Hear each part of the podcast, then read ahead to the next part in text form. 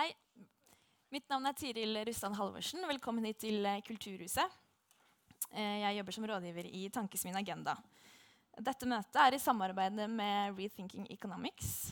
Og for de av dere som er mer interessert i dette temaet etter at vi er ferdig her i dag, så er det filmvisning av eh, dokumentar om temaet på Litteraturhuset i morgen klokken seks. Og så er det et foredrag med David her på Høgskolen Kristiania onsdag klokken 17. Så jeg anbefaler alle å ta turen videre dit. The rest of this meeting will be held in English. I hope that's all right for all of you. Um, how would it be if together with your colleagues you owned your firm where you're working? Imagine if you owned your company these last few weeks in Oslo. Um, employee ownership is, however, not very common. Um, but the interest for this model of organizi organizing the workplace is increasing. In the US, more than 10 mil million people today work in employee owned um, companies. That makes this um, relevant to ask should more people own their own workplace, also here in Norway? Employee ownership is not a new idea. We think there are many good reasons for taking a fresh and new look at the idea of employee ownership and discuss how it can be applied today. So, with us today, we have a very strong panel. So, a very special welcome to David Ellerman here on my uh, left side, who has traveled all the way from California to come here to us.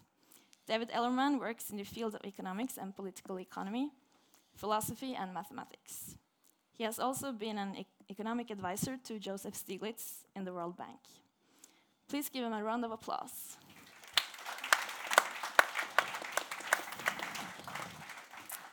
And next, we have with us Professor of Political Science Bo uh, Rothstein from the University of Gothenburg. He's known for his work on trust and welfare state. Recently, he edited a book on employee ownership called Tillsammans.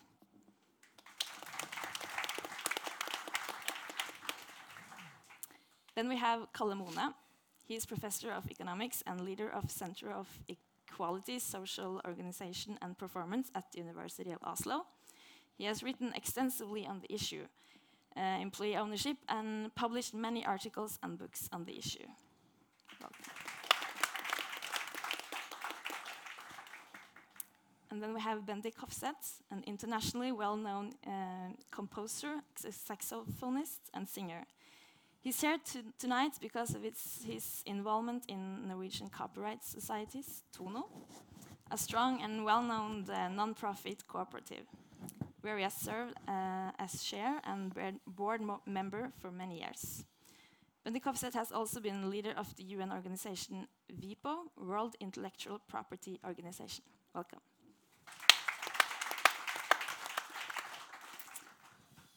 And finally, but not last, we have Hilde Nagel, who's a political scientist and an advisor at Agenda.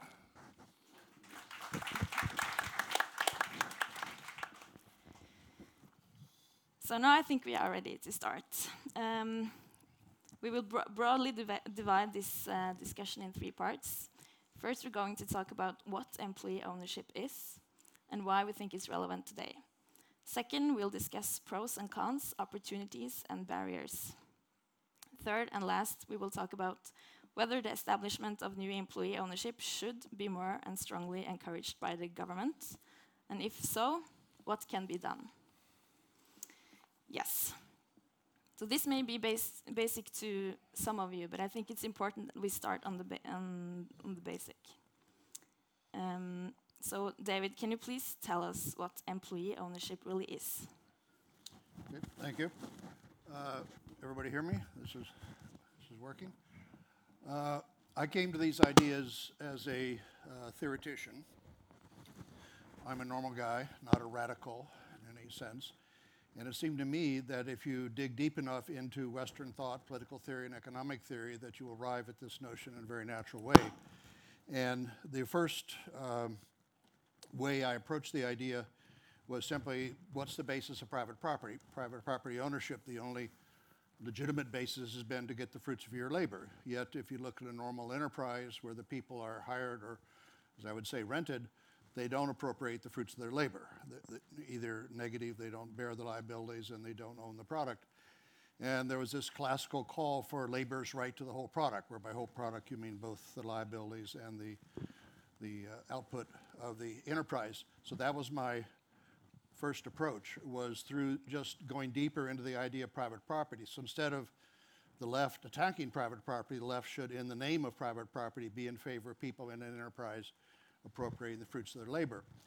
Then it came to me that if that was true, then there must be something weird wrong about the labor contract that was actually the basis for the employer appropriating the fruits of the employee's labor. And this idea goes back, uh, my colleague here, Patrick Witkowski, discovered in Anders de Wig- uh, 1923 uh, Commission on Industrial Democracy, an incredible passage where he actually analyzed the labor contract. And he said it cannot fit into the frame of a ordinary purchase and sale contract, where if you, if you want to say, you know, rent out your car, rent out an apartment, you can turn it over to the other person, they can use it independently of you, the car, say, or, or a truck. But you can't do that yourself, and yet we have a contract that says you can sell your services or, or rent out yourself, in, and, but people cannot do that. They, as it were, are constantly co-responsible for this. So the, Wigforss said that the whole notion of of the labor contract is null and void, and, and that's exactly the same conclusion I came to uh, through similar reasoning to his. The labor services are inalienable, they cannot be transferred to somebody else like the services of your car, the services of an apartment. So the rental contract applied to human beings is, is a null and void contract, or should be a null and void contract in the eyes of the law. And the third approach was simply the notion of democracy. The, the, uh, we have democracy in the political sphere, but we have not applied it in the economic sphere. And there's a long tradition of anti democratic uh, thought, which was based upon a contract to give up the rights to govern yourself. Thomas Hobbes, if you remember from your philosophy courses, Thomas Hobbes had this pact of subjection. People turn themselves into subjects uh, voluntarily. And the rise of democratic theory in the West was basically the differentiation, not consent versus coercion, but consent to a contract to alienate your right to govern yourself versus a contract to only delegate certain rights to delegates. So d- democratic theory came from saying there's something inherently wrong with pretending to alienate these rights, and any social contract, any constitution should be based only on a delegation of authority to the people that are governing. And from that, it's very clear then that the employment contract is not a delegation. The employer is not the delegate of the employees, and no, even the most uh, uh, conventional of economists would not argue that. So these are three different main themes in Western thought the, the people getting the fruits of their labor, contracts that are not fraudulent, that only alienate what in fact can be transferred to another person, and democratic theory. So I came to this idea through that. As, as a theoretician, I, I then hooked up with people that are more practical. My colleague, uh, Chris Mackin here is, we've worked together on these issues for 40 years. Uh, David Erdal is our Scottish colleague, and is now, we've been working together for 30 or so years on this. And uh, so we have a sort of theory and practice approach to, to employee ownership. And uh, we can get into the differences and the practical approaches and so forth, but that's sort of how I came to these ideas. Thank you. So there, as I understand it, there are basically two main models and how, on how you can organize uh, a broad employee ownership. Can you say a little bit more about those two models? Yeah, well, we can speak uh, with some experience of, of the American model, wh- what's been done there. And it basically divides between the traditional worker cooperative model, which people probably heard of Mondragon, and that's one of the better examples. And when Chris and I founded a nonprofit together with another fellow, we called it the Industrial Cooperative Association. So it was industrial cooperatives that we were promoting, or worker cooperatives. And along the same time, in the early 70s, there was a, a sort of uh, movement that came out of the right wing in America to allow workers to use the, bar, the uh, collateral power of the, gover- of the company to buy, take out a loan and then buy that company. An idea that if, if it had come out of the left, if, if we'd said, you know, to the employers, uh, would you allow us to take out a loan and use your company as a collateral to then buy out your company? They would have laughed at us. But this idea came out of the right wing and had a whole covering rhetoric and so forth. And we opposed it originally. We said this is worker capitalism and blah, blah, blah, because we at first believed their rhetoric. And, and uh, eventually we learned more about it and, and found out that the way it was actually implemented in American law is labor based because it's implemented through pension law. And pension has to, the benefits have to go to all the workers, not just to managers, and all the workers according to their labor as measured by time or by salary. So the way in which this employee stock ownership plan idea was implemented ended up being more labor based, eh, even though the rhetoric was coming out of the right wing was, was quite different. And over the last 40 years, the statistics are just stunning that there's only about 300 worker co-ops in America and very difficult to get them going, to get them financed and so forth. There's 7,000 ESOPs, employee stock ownership plans, and they cover 10% of the private workforce. So only 7% of the private workforce in America is in unionized companies. So already in these 40 years, they have gotten more workers involved in owning their own company through this ESOP than are involved in the traditional trade union movement. And uh, so uh, it's, it, the ESOP is in sense an incredible institutional innovation, a social invention coming out of the most unlikely place in the world, America. And, and uh, so we, uh, we were last, uh, last year we gave a series of talks in Sweden and now in Norway si- saying why isn't this idea better known in the left? Because it's an in- incredible mechanism by which you can transfer something like 7,000 companies in our case to, to uh, worker ownership. Um, just for our Norwegian audience, um, um, cooperat cooperatives, when you talk about that, I would say the Norwegian word would be samvirke. And uh, these trusts he's talking about is more like a, a aksjeselskap, en variant av et aksjeselskap. Um, et bredt eierskap i bedriften er det viktigste.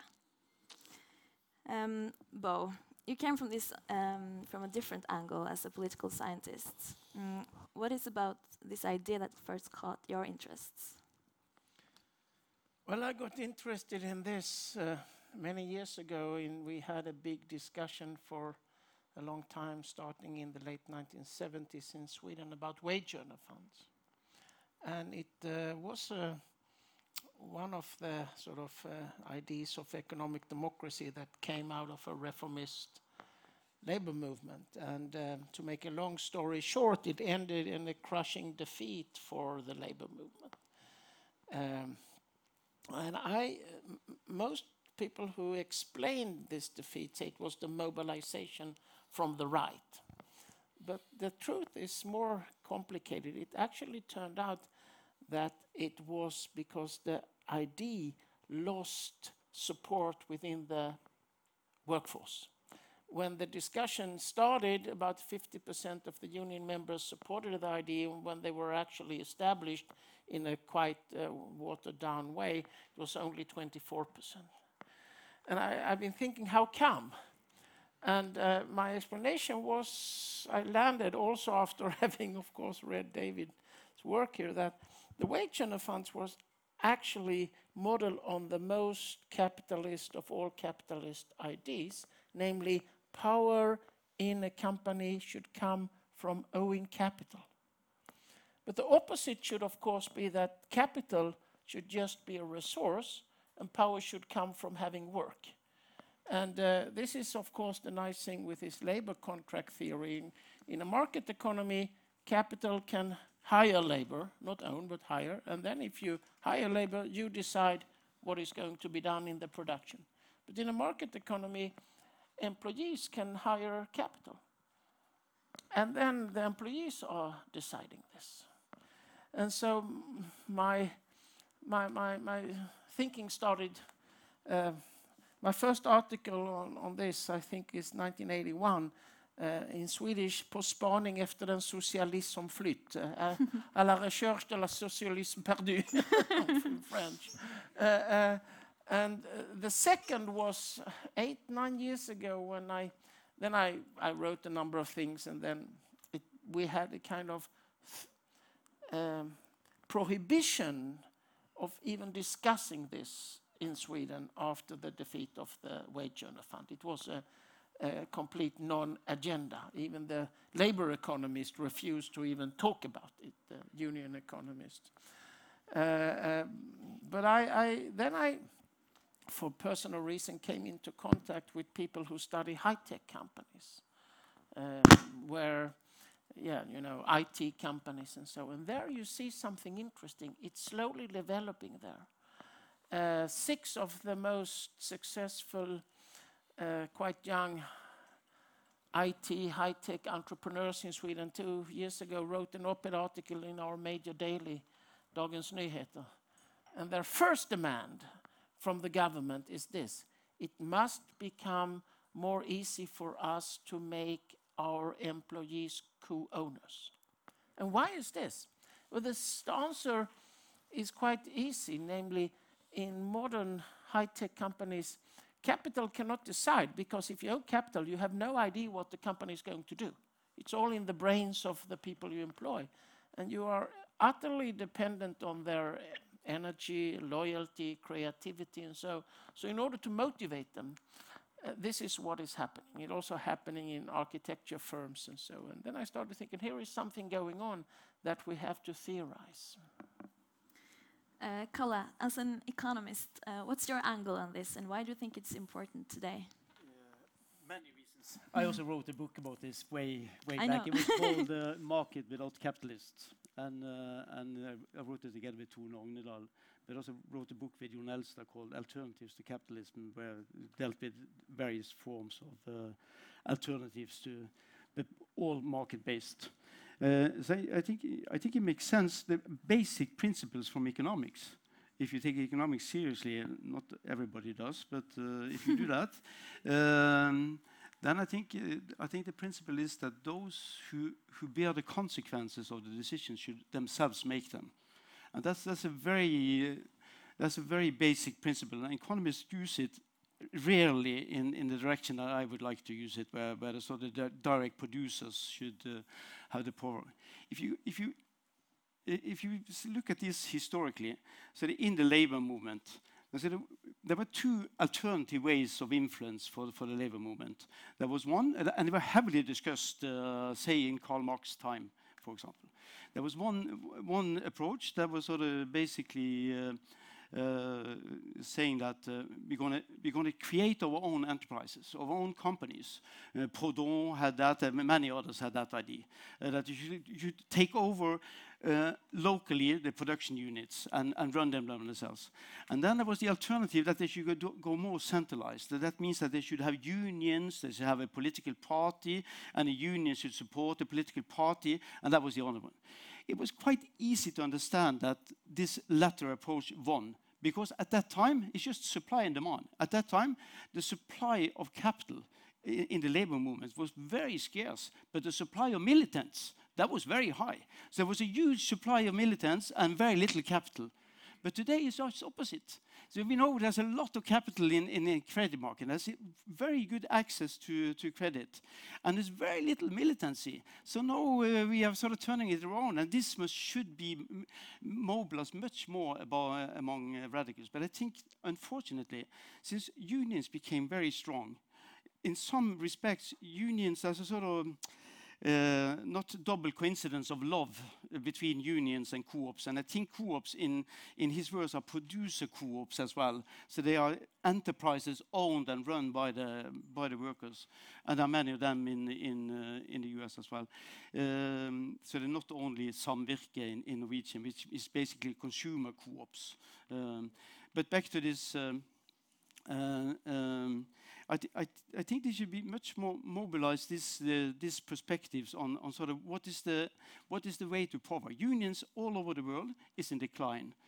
Uh, co-op ownership is on a slight increase, but very slight. And, and its unions are in some respect the enemies of co-ops. Uh, I'm a union person myself, but this should, this is the political thing that should be solved because uh, co-ops love unions, but unions hate uh, co-ops. Why is that? Because unions unions like protection from free entry. They don't want to have free entry into their sectors because they're going to raise the wages by within the companies that are there. If you have competitors who doesn't have to pay the union wage, that is bad for, for the unions. So therefore, the unions are very, for example, when, when uh, LO here had, had their own bank, they didn't give loan to any uh, co-op in Norway, not any single uh. They were very rich bank, they didn't give out anything.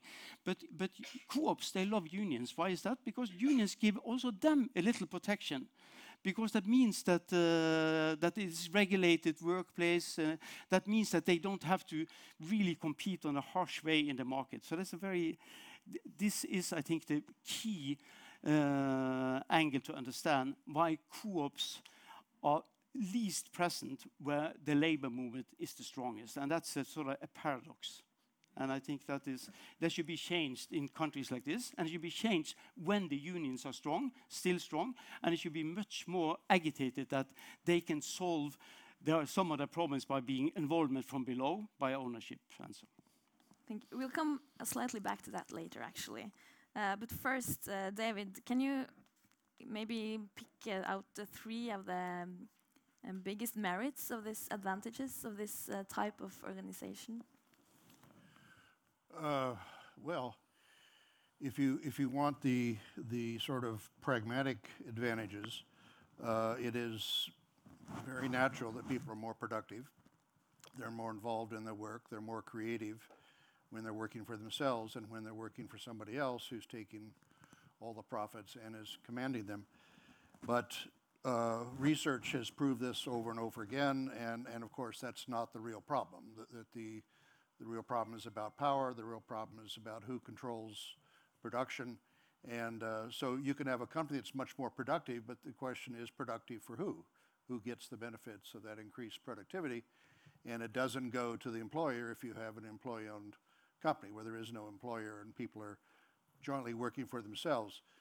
So those arguments are there. There's the argument that the quality of democracy would be improved, that it spills over into political democracy because people then learn on the job all day long what it's like to work in a democratic organization.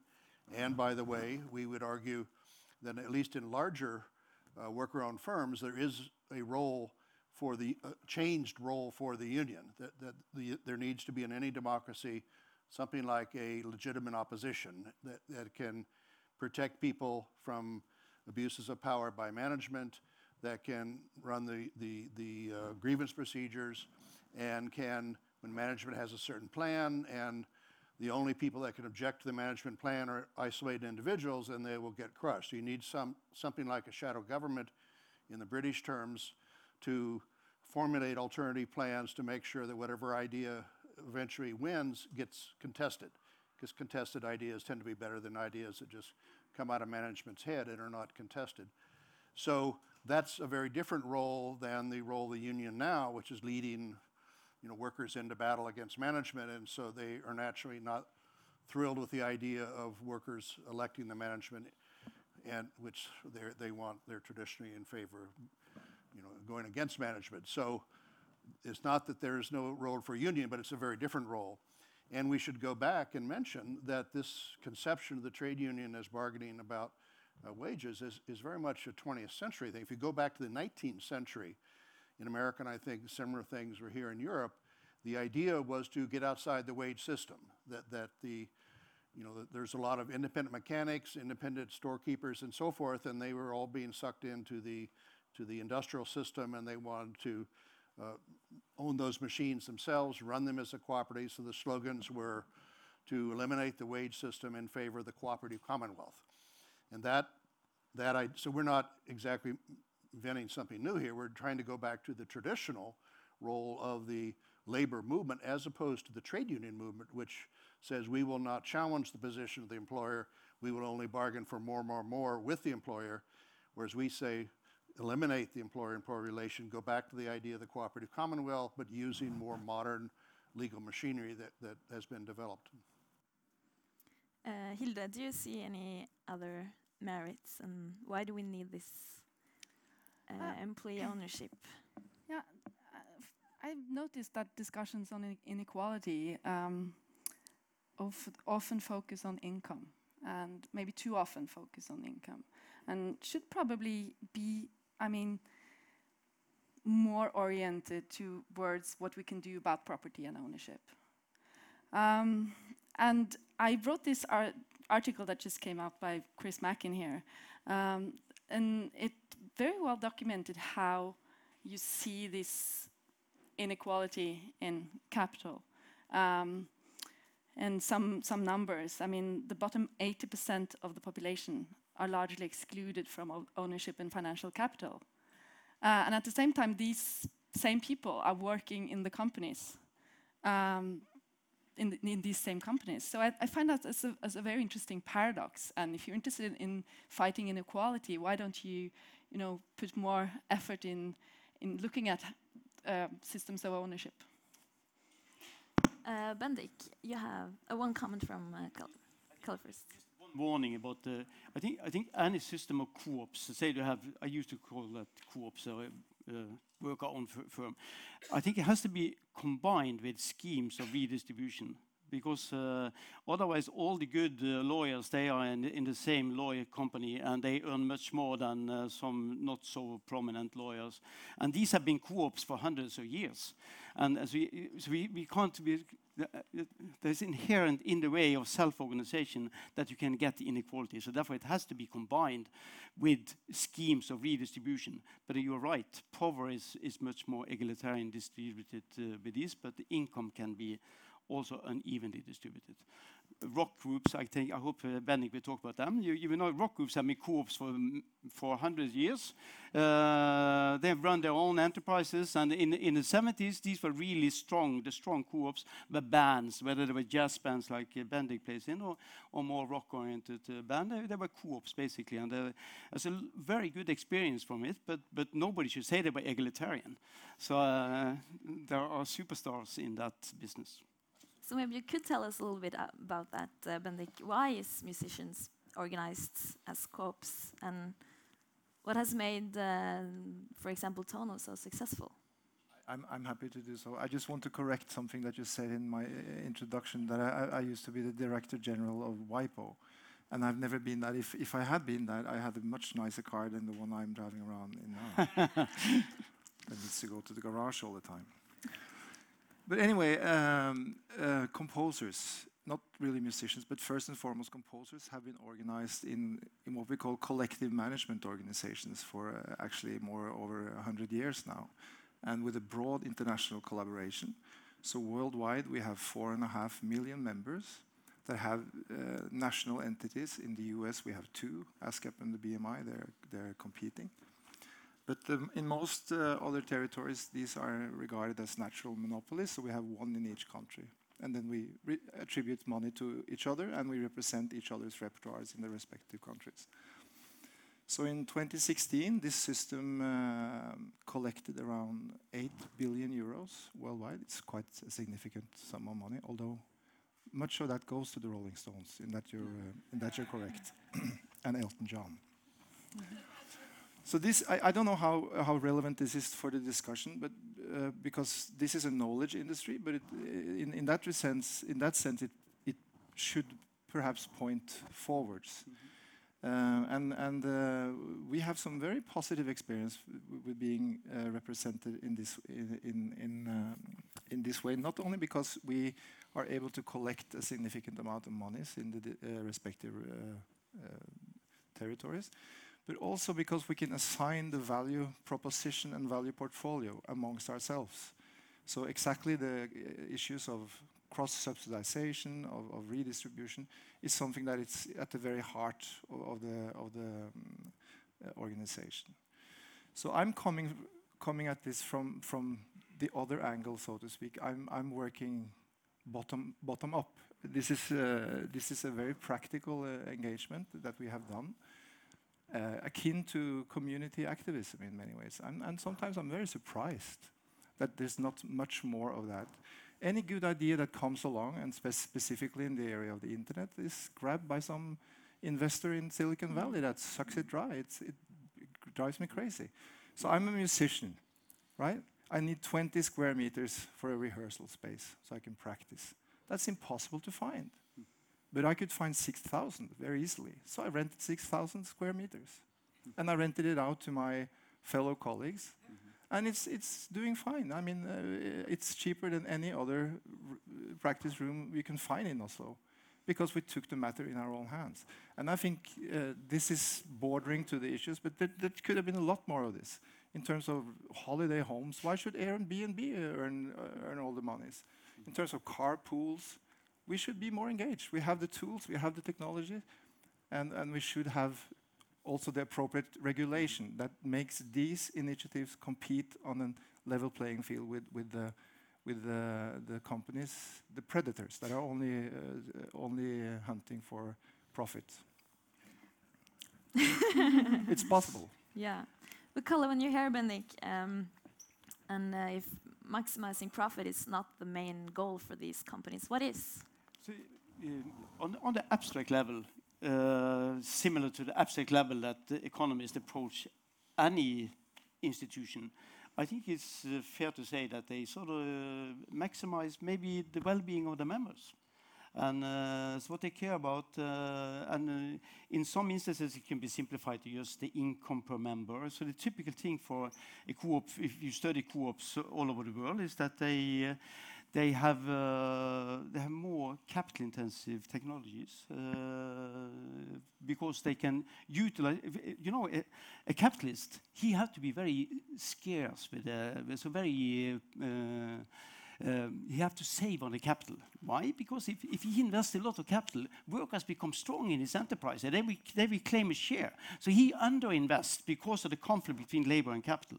When you don't have the conflict of labor and capital, then you can use capital much more secure because that nobody will fire their friends. So they, they can invest and they, they know that this is going to benefit everybody. So that means they can solve a lot of things that are problematic in the workplace. So that is sort of taking care of the well-being of the members, and they seem, for example, they have less layoffs than, than other enterprises. For example, the Mondragon co-ops in an area where at a, a, certain time there can be up to 20% unemployment in the workforce, they had maybe two or three layoffs in the cooperatives of Mondragon. And that, at that time they had, when I studied them, they had 20,000 uh, members. So that means that there's zero uh, much more stable employment relationship. And they, they, they, are there for life. There's a sort of permanent uh, investment in their case. And if it isn't, they have arrangement where they can be bought out and they can uh, change. They have their own schools, for example. They, they can organize, just as uh, Bendik said, that you have to solve certain collective things. And I think it's very important to understand that it, it's not nobody with, uh, with a smart brain will uh, suggest that you should only sort of have isolated co-ops. They should have, for example, a bank. And the, the Mondragon cooperative, they have a bank, Caja Laboral Popular. And, and they, that bank helps in, the, in sort of diversific, diversification of, of the risks of the co-ops.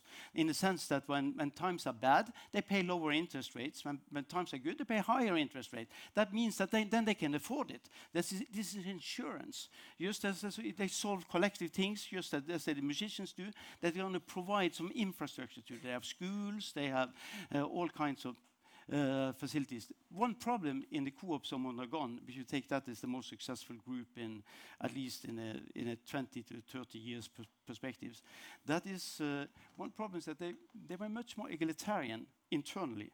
They had a, for a long time they had a wage gap inside the co-op or earnings gap or whatever you would call it, three to one. That means that the highest, the, the highest pay inside one co-op should not be more than three times the, lowest pay within the same co-op. That means that managers, they are paid less. And very often they solve this by sort of renting in managerial uh, uh, services. Just as uh, David said that, you can rent capital, you can also rent services, advice from outside if you need it.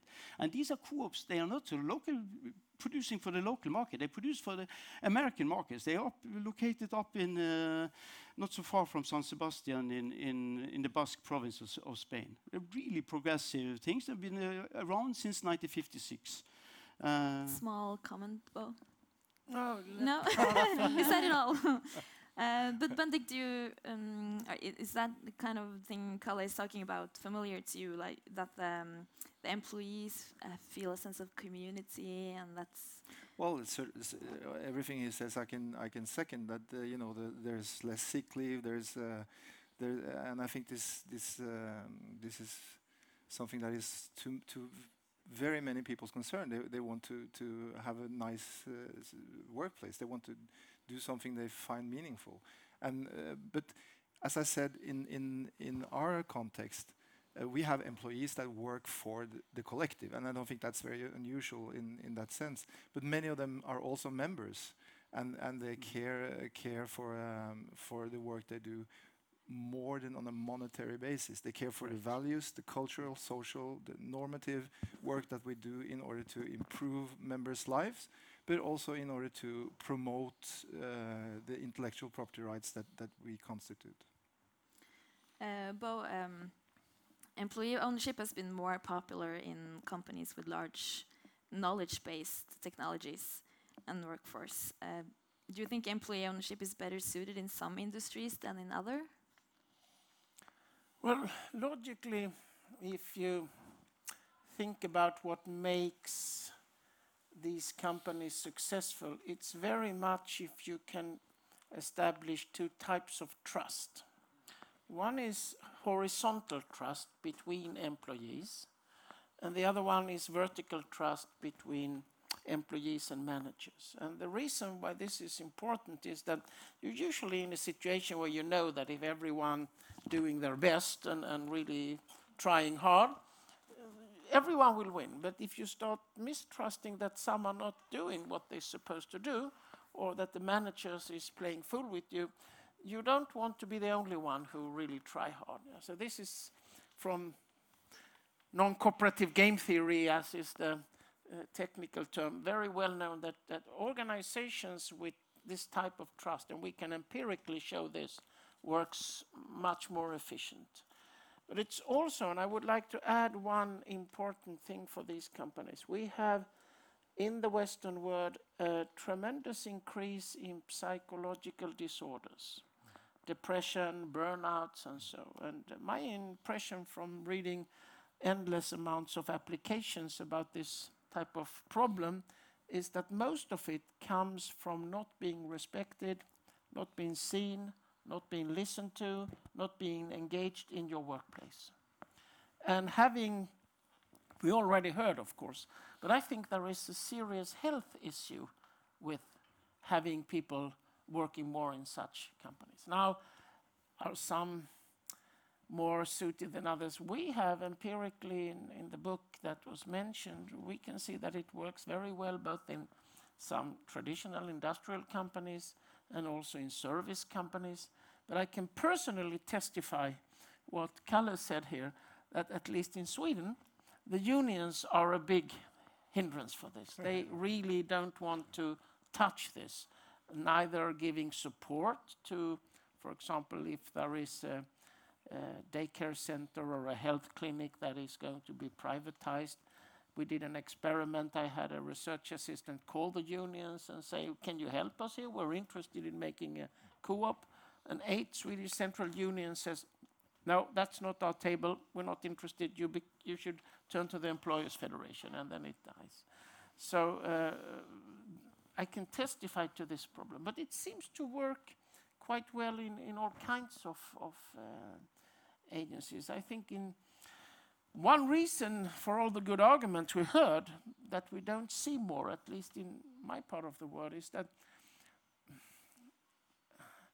say you are tenants and you're living a housing in a, in a house, and the house is going to be sold on the market.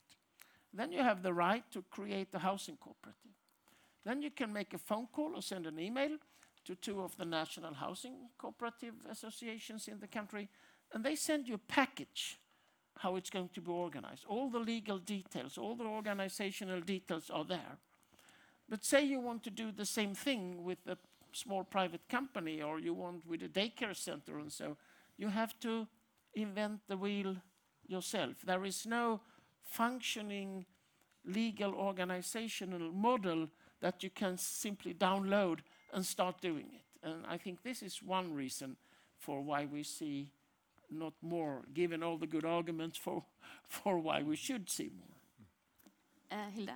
Uh, listening to Bendik here, um, I sort of thinking about how this can be relevant for the gig economy in general, and all these platform um, economies like Uber, etc., where workers are largely, I mean, self-employed, but desperately need some sort of community uh, that can be where they can be both, uh, you know, working for themselves and for and working for uh, a larger community, but where they have ownership and control over that larger community.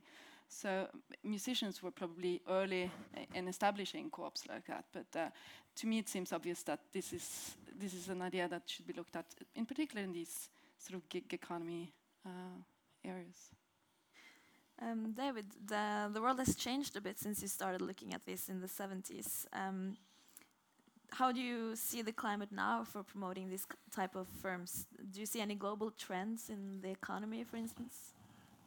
The, uh, well, I was just thinking, we should get to politics, and so that question could be moved in that direction.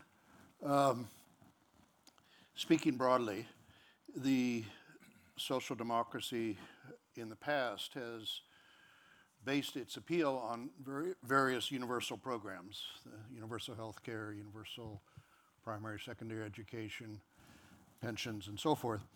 And as I understand it, the, this appeal has sort of reached its natural limits and sort of like an airplane that's stalled out, starting to, to sink.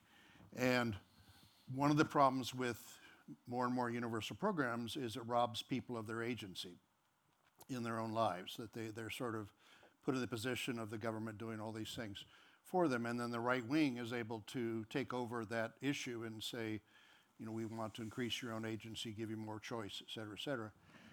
And what we're talking about is the alternative is not alternative, but in addition, we should say, is to, when you get into government, rather than saying we'll give you now universal basic income or universal job guarantees and so forth, to say we will change things so you will be able to control your own lives more. You will be able to do good things for yourself rather than the government do more and more good things for you. And, and by that, we mean, of course, controlling your own economic enterprise where you work, which takes away the major risk of layoffs because workers will not lay off each other, they'll tighten their belt.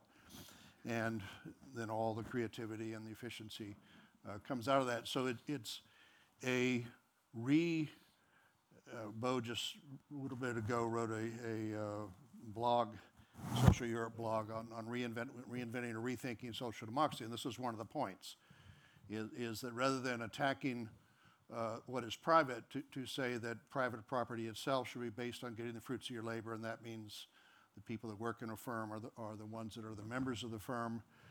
The idea of democracy, controlling your own life, can be reduced down to the level where it really makes a difference, where you have a small uh, local democracy in what people do all day long.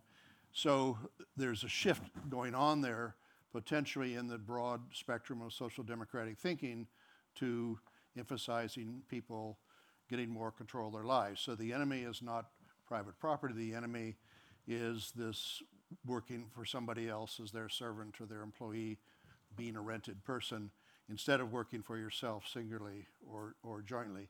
And that, for example, would mean redefining the people that social democrats appeal to to include, say, family farmers or small family businesses where there's no appreciable hired labor or, in, or individual entrepreneurs. And that's a mental shift from the way that social democracy has been conceived in, in the past. And, and uh, so that's one way to look at it, just to, just to mention another uh, way in which this issue has come up very recently that's uh, pretty crazy is, is the, the Orbanization of politics in, in Hungary and in Slovenia, uh, where we lived during the summer. Uh, the right wing party that's much aligned with Orban got 25% of the vote, although all the other parties have pledged not to form a coalition government. But you're seeing this, uh, well aware of this ultra nationalism and, and, and uh, xenophobia coming up. And so a organization as established as the EBRD, the European Bank for Reconstruction Development, in London that covers this whole region is interested now in employee ownership because it takes away from these ultranationalists the xenophobia because they, they play upon our companies are going to be bought by foreigners and we'll have the whole economy run by foreigners. But if you have significant employee ownership in the companies, then that will protect it from being bought by foreigners. So we, we're, we're communicating now with the chief economist of the EBRD to see if they can put in an employee ownership component into their loans. So that's something addressing a very immediate uh, uh, problem, the, the Orbanization of, of European politics. Bo? Uh, Just a small comment. I think it's important strategically to stop thinking that this is a leftist project. We do not think of democracy as a leftist project. We think of democracy as ev- everyone should be in favor of democracy, and there is no reason why we should think differently about economic democracy. And logically, we demand that gigantic cities, New York, London, Oslo, are, are going to be run democratically. We say in our uh, international aid that if your country, even if half the population cannot read and write, if you're not run democratically, you will not get any money. But when it comes to companies, we say, no, no, this is impossible. It simply doesn't make sense. Kalle? I think you, you have to think about bosses and, and, and workers in a sense. Uh, and and uh, so the, in an ordinary enterprise, um, uh,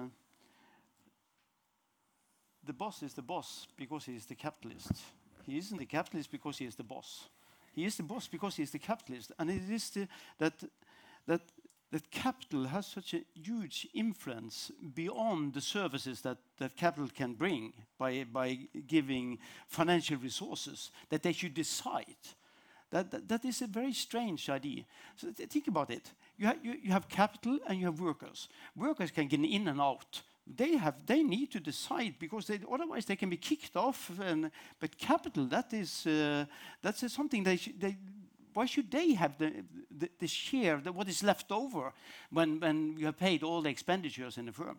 It's, it's not, not logical at all. It came from a time where capital was very scarce, and you have maintained this way of organization way beyond uh, uh, its usefulness, and that is based on power because it gives a certain class of people, a certain position in society, it gives people with wealth more power than they should have.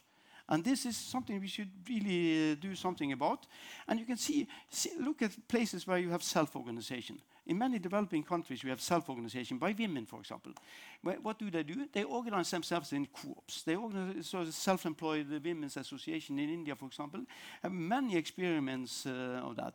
Taking the slums in Africa, for example, self-organization, basically women, they organize credit associations. It's, it's sort of a co-op. The- These things, that's the most used uh, financial institution in Africa, actually. Self-organized saving groups. And they also, sometimes they have insurance to their members and so, and so on. This, i- when people organize themselves, they organize in this way. When, when people organize in sort of modern society, they have going to have it in a proper way, then there should be some, uh, some people living up in Holmenkollåsen going to make all the decisions, and they're going to, and, and they have very, very, very strong opinions about the, the efficiency of that way of organization. There's no way been proved anywhere. And many economists have said these, it, not exactly in my words, but they are more decent people. But for John Stuart Mill, for example, he thought, he thought that this was, this was the organizational form that in the final end would sort of capture the world.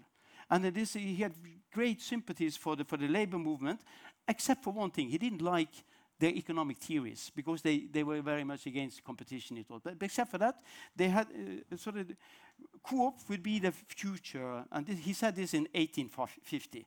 So, uh, and I, I think they're very strong arguments that can also be found in philosophy, as David has uh, many examples, and he, his, his own writings.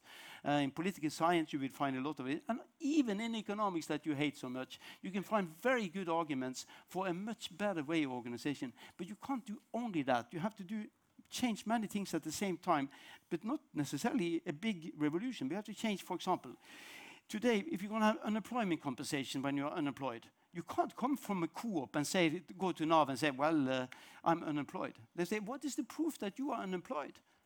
Well, they, you, you, you own your own enterprise. So we don't have insurance for people who have owned their own enterprise.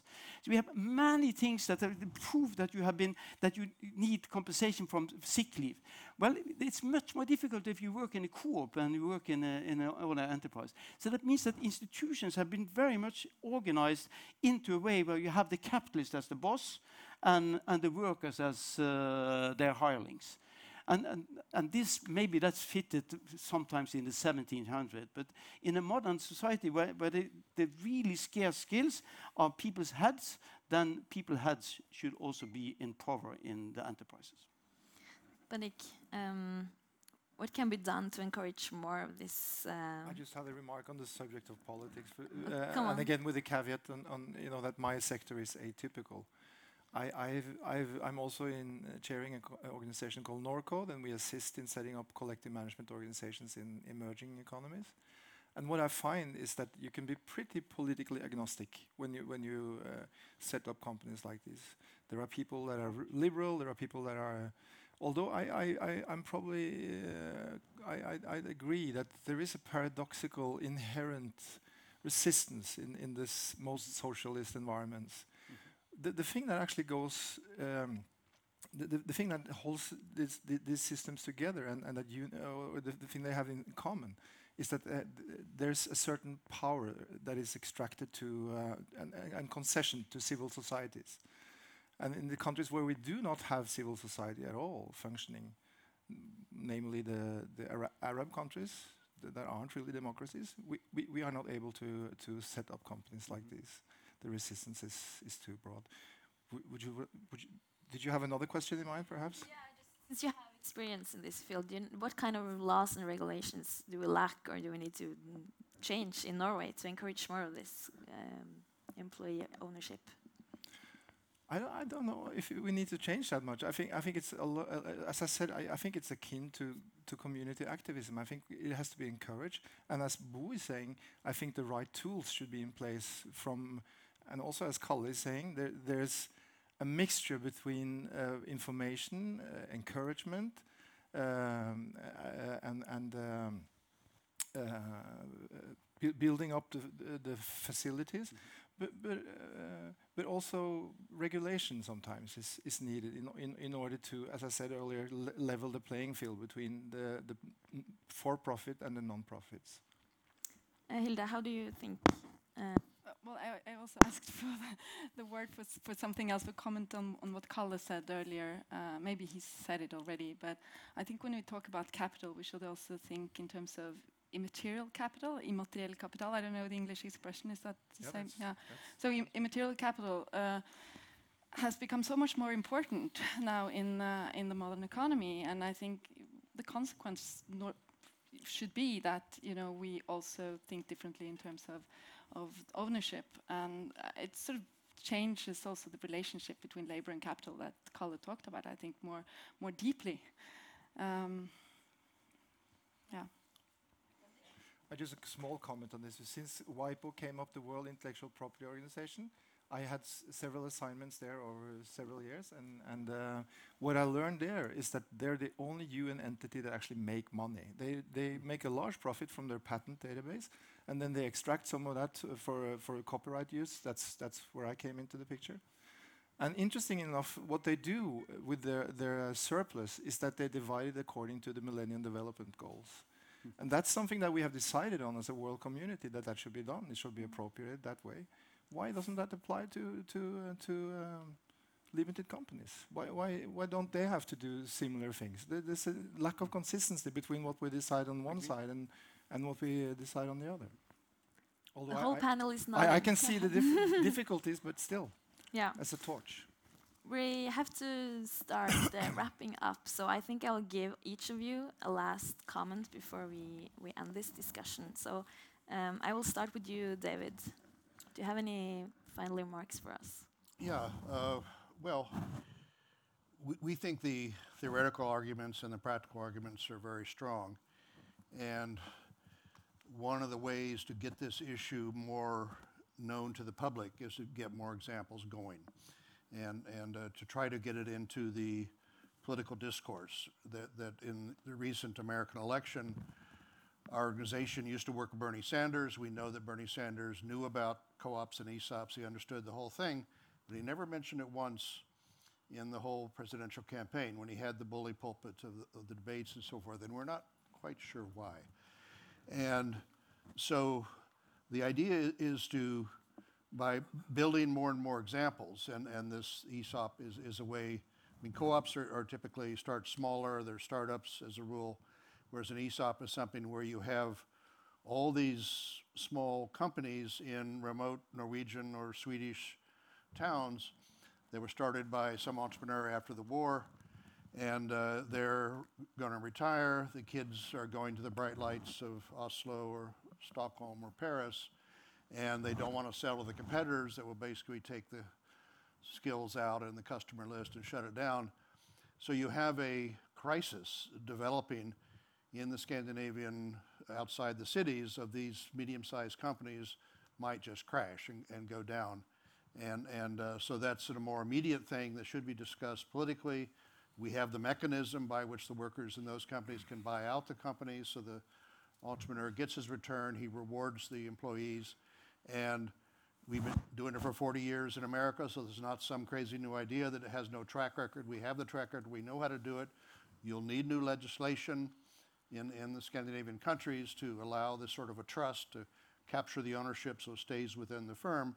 So you have a problem. We have an example of how this problem has been approached in the United States, and, and uh, we're here to talk about it. Thank you. Bill. Two quick comments. First, we should also realize that we have a very different capitalism now than we used to. It used to be the case that you own capital and then you decided in the production. Now in Sweden, 80% of the stock market is owned by institutional investors. They have no interest, no competence, and a willingness to decide what goes on in the companies. So there is a sort of power vacuum here that is very important. And I think uh, th- that many of these investors, pension funds, mutual funds, have, would have absolutely nothing against such a system that we are discussing. I think, like was mentioned here, that, that the, the, the, the main problem is, is actually uh, a kind of that we live in a kind of mental prison about how companies should be governed. Most people that I talk with, for them, this is actually news. You know, could you actually do it like this? It's a Gramscian idea, uh, the legendary Italian Marxist, that sort of, in a certain stage of development, we're all sort of prisoners within a. He called it hegemony, that we have huge problems thinking out of the box, and I think we are in desperate need of such a project now because what you see all over Europe, the Orbanization, politics is now run by fear everywhere. Fear of immigration, globalization, terrorism, and so on. And if politics is run by fear, the nationalist and reactionary forces will win.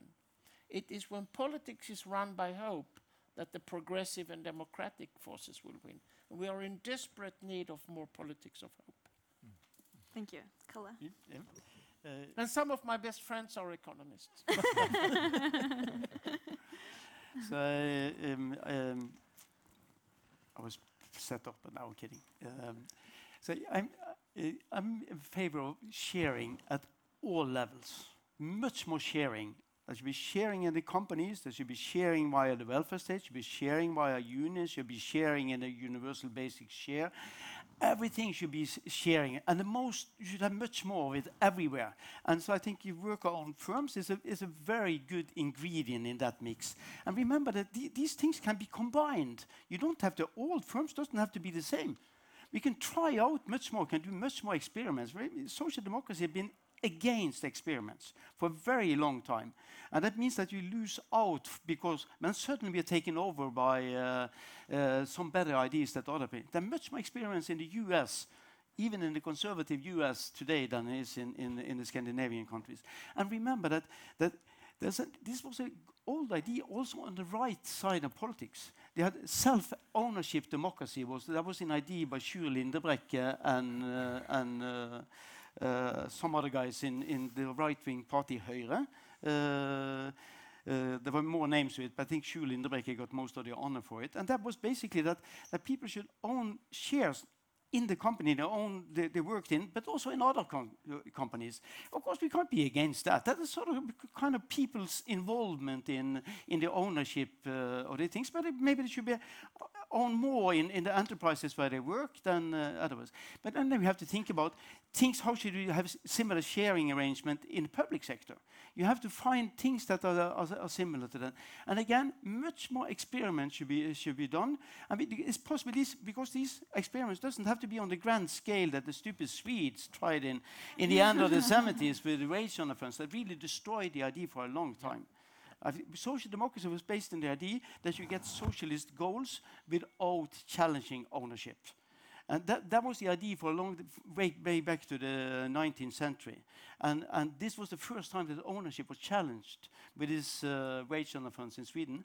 And you changed actually politics in Sweden. It was the first time that social democrats lost power in Sweden. I was in, in this. Yeah, it's right, isn't it? Yeah. So, uh, so, so, therefore, you should mobilize much more. There can be new coalitions here, political coalitions on the right hand, on the right wing side, together with people who are more like you, very extreme leftist, um, I presume, uh, and experiments. That's what. Uh, that's really what we need. And we, we tolerate we tolerate more to uh, do to have failures. I end by one thing. I think there's very few bands in the world, but you can include jazz bands, rock bands, that have had fixed salary system. That means that you pay. I think uh, uh, Kjell band actually had a, they they paid them. Uh, Kjell Karlsen they run the, uh, his band as a as a prof, pro-profit uh, company, so he paid the musicians a, a, fixed salary. I think James Brown had also. He he hired people from the street, and and he was they were actually fined uh, if they had played wrongly on, on the gig.